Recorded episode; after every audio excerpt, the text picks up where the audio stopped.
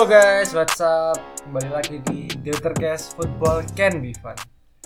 Untuk episode kali ini kita bakal kembali membahas derby. Eh, selain dari membahas derby, ya juga kita akan membahas tentang kemarin di UCL ada drama yang cukup menarik ya, yang sempat menjadi pembahasan yang nggak cuma dibahas oleh skena peminat skena sepak bola, tapi juga dibahas di skena luar sepak bola, yaitu tentang insiden eh, rasis yang terjadi di laga PSG lawan Başakşehir. Di episode Deutercast malam hari ini eh, aku ditemani oleh salah satu pakar dari Manchester United ya, yaitu ada Coach Exrezio. Silakan. Hello, Oke, mantap. oleh out. oleh jadi soal yang pertama akan dibahas ya yang insiden rasis di pertandingan UCL antara PSG dan Başakşehir di mana ada ada cekcok antara manajer dari Başakşehir Istanbul dengan official pertandingan yang berujung pada officialnya yang katanya akhirnya mencela asisten manajer Başakşehir yang notabene uh, berkulit hitam gitu. Sebelumnya aku mungkin gimana ya? Mungkin mau mengapresiasi ya buat kedua belah pihak dari PSG dan juga dari Başakşehir yang akhirnya berani mengambil langkah tegas untuk walkout dari pertandingan yang notabene bukan pertandingan biasa, ada pertandingan kelas internasional kan UCL, bukan Tarkam Cup gitu. Uh, kalau menurutmu gimana? Menurutku sih eh, rasisme itu emang nggak boleh ya, nggak bukan nggak baik lagi, emang dilarang. Karena Ya, bisa merusak eh, solidaritas dan itulah. ya merusak permainan di sepak bola. Karena sepak bola ini kan salah satu salah satu em, kampanye yang terikat erat dengan sepak sepak bola Eropa itu kan. Ada kick it out kan Ya. yang notabene mereka maksudnya ingin menghapuskan rasisme dari dunia sepak bola gitu jadinya mungkin agak ironis kalau akhirnya ada satu bagian ke kampanye khusus yang membahas tentang rasisme yang ingin menghapuskan rasisme dari sepak bola internasional tapi malah akhirnya tetap terjadi lagi gitu Apalagi apa? Ini kan yang melakukan tindakan rasisme kan bukan dari PSG maupun Başakşehir. Iya. Itu dari apa? dari Dari official match-nya. Hmm. sangat ya tidak baik lah. Hmm, sangat disayangkan ada yang bilang kalau oh itu lebay kan emang kalau di bahasa Romania wah, kan officialnya orang Romania emang kalau di bahasa Romania itu kalau mau nyebut warna hitam ya harus bilang N word gitu ya ya mau bilang apa lagi gitu kalau menurutku sih eh, emang ini kan ya mungkin mungkin bisa pakai argumen itu. Tapi kan ini em, pemirsanya yang melihat pertandingan ini juga yang mengikuti pertandingan ini yang meliput pertandingan ini. Kan skenanya sudah internasional sudah di dunia. Kata yang diucapkan sama si wasit ini punya kono- konotasi negatif lah untuk orang yang berkulit hitam. Oke ya jadi ngomongin soal UCL kemarin kita sempat melihat ada dua klub raksasa yang jatuh dari UCL ya yaitu ada Manchester United dan Inter Milan yang mungkin mungkin orang-orang nggak nggak nyangka gitu. Wah kok klub ini gitu yang jatuh gitu? Kok bukan klub lain? Mungkin ada klub-klub lain yang mungkin lebih expected untuk jatuh tapi kok malah dua klub ini gitu. Yang dan salah satu klub ini nanti malam akan menghadapi rival terbesarnya yang ada di satu kota yaitu Manchester City. Eh, akan ada derby Manchester nanti malam tepat yang akan mempertemukan dua klub raksasa Premier League ini di kandang Manchester United. Eh, untuk laga nanti United akan memasuki laganya setelah ditak- ditaklukkan oleh RB Leipzig. Yang waktu itu aku cuma nonton di menit 70 baru baru nonton dan baru bisa lihat. Baru waktu non, buka non, waktu nonton TV langsung kaget loh kok tiga kosong? Tapi ternyata akhirnya juga seperti harapanku ya, ya seperti yang pernah aku lihat sebelumnya Manchester United selalu bisa um, step up step up bisa ngegas permainannya. Mungkin bisa menyesuaikan di babak kedua gitu. Akhirnya bisa nambah dua gol. Tapi sayangnya tidak bisa menyelamatkan posisi mereka di fase grup UCL Eh, dan sementara dan sementara City berada di kondisi yang lebih nyaman. Setelah berhasil lolos ke fase knockout UCL walaupun eh, formnya di Premier League belakangan ya bisa dibilang biasa-biasa aja lah. Beda sama United yang malah eh, kalau dibandingkan performanya di UCL di Premier League malah mungkin jauh lebih bagus gitu Eh, kalau menurutmu sebagai pengamat setan merah ya bagaimana eh, Ole Gunnar Solskjaer eh, akan menghadapi City Ya, eh, menurutku Solskjaer itu hanya perlu satu, satu hal saja. Eh, itu bukan formasi, bukan main, bukan susunan pemain dan lain. Satu itu konsistensi. Ya, Hmm. eh Solskjaer ini bisa dibilang manajer yang angin-anginan. Entah itu karena eh, formasinya yang nggak pernah paten. Setiap setiap match itu eh, formasinya selalu ganti.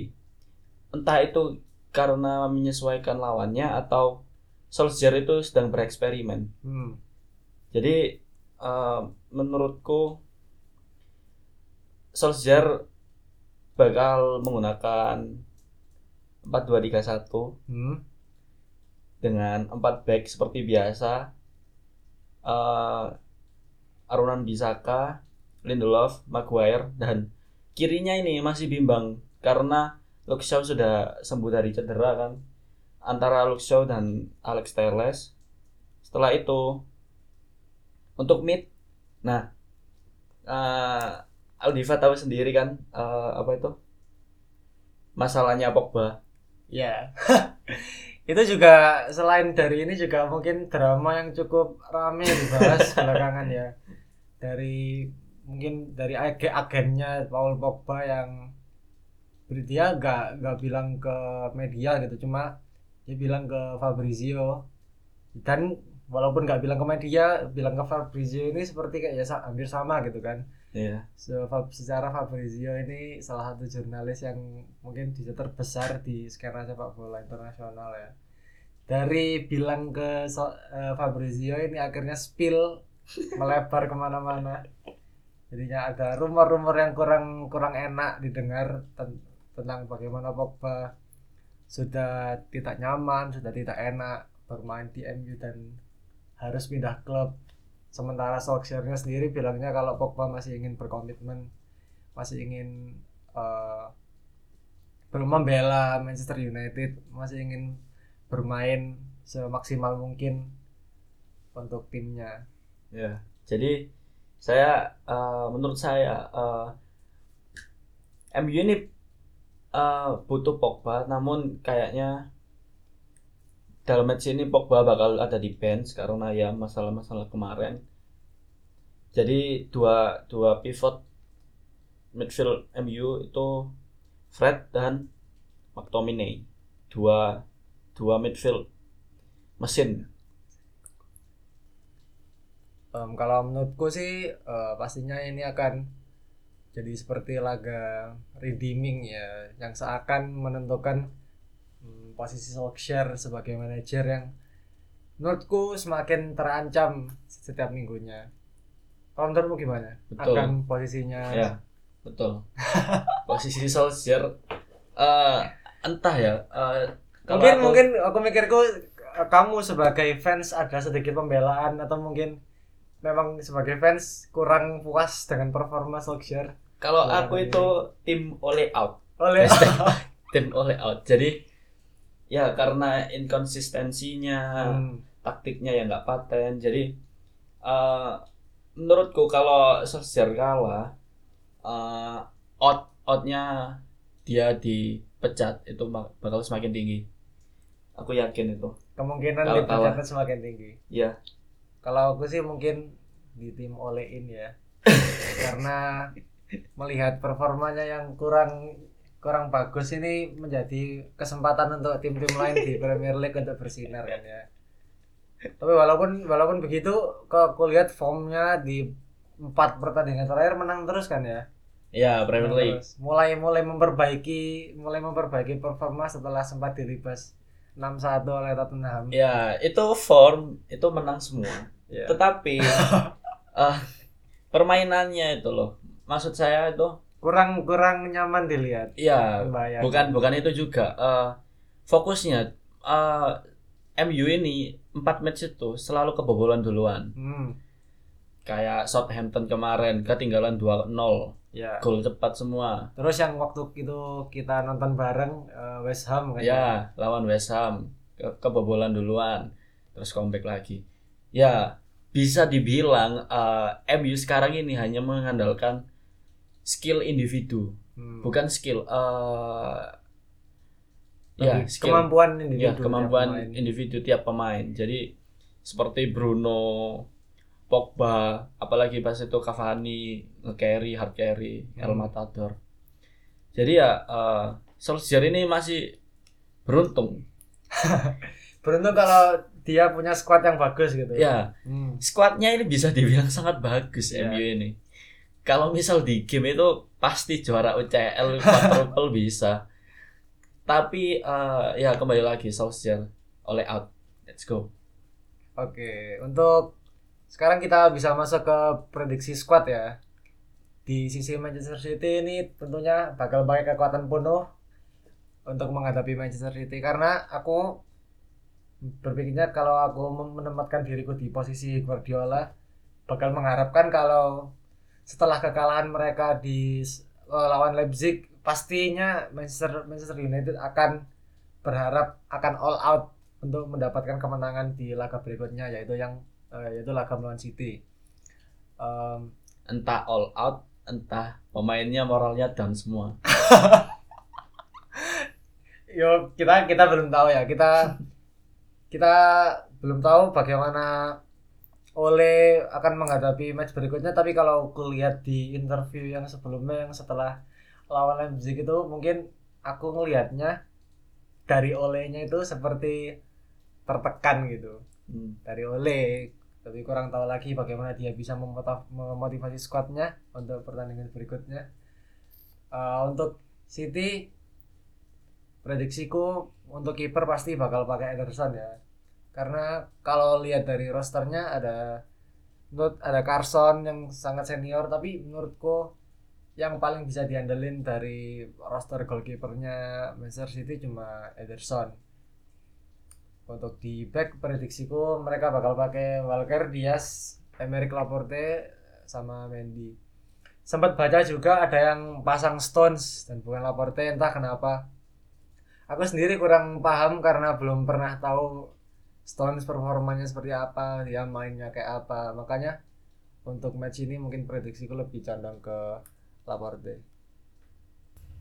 Terima kasih buat kalian semua yang sudah mengikuti episode Deutercast uh, pada malam hari ini. Terima kasih juga untuk Coach Rehan yang sudah ikut hadir untuk mengisi episode 2 dari dari Deutercast. Yuk, sama-sama. Mantap.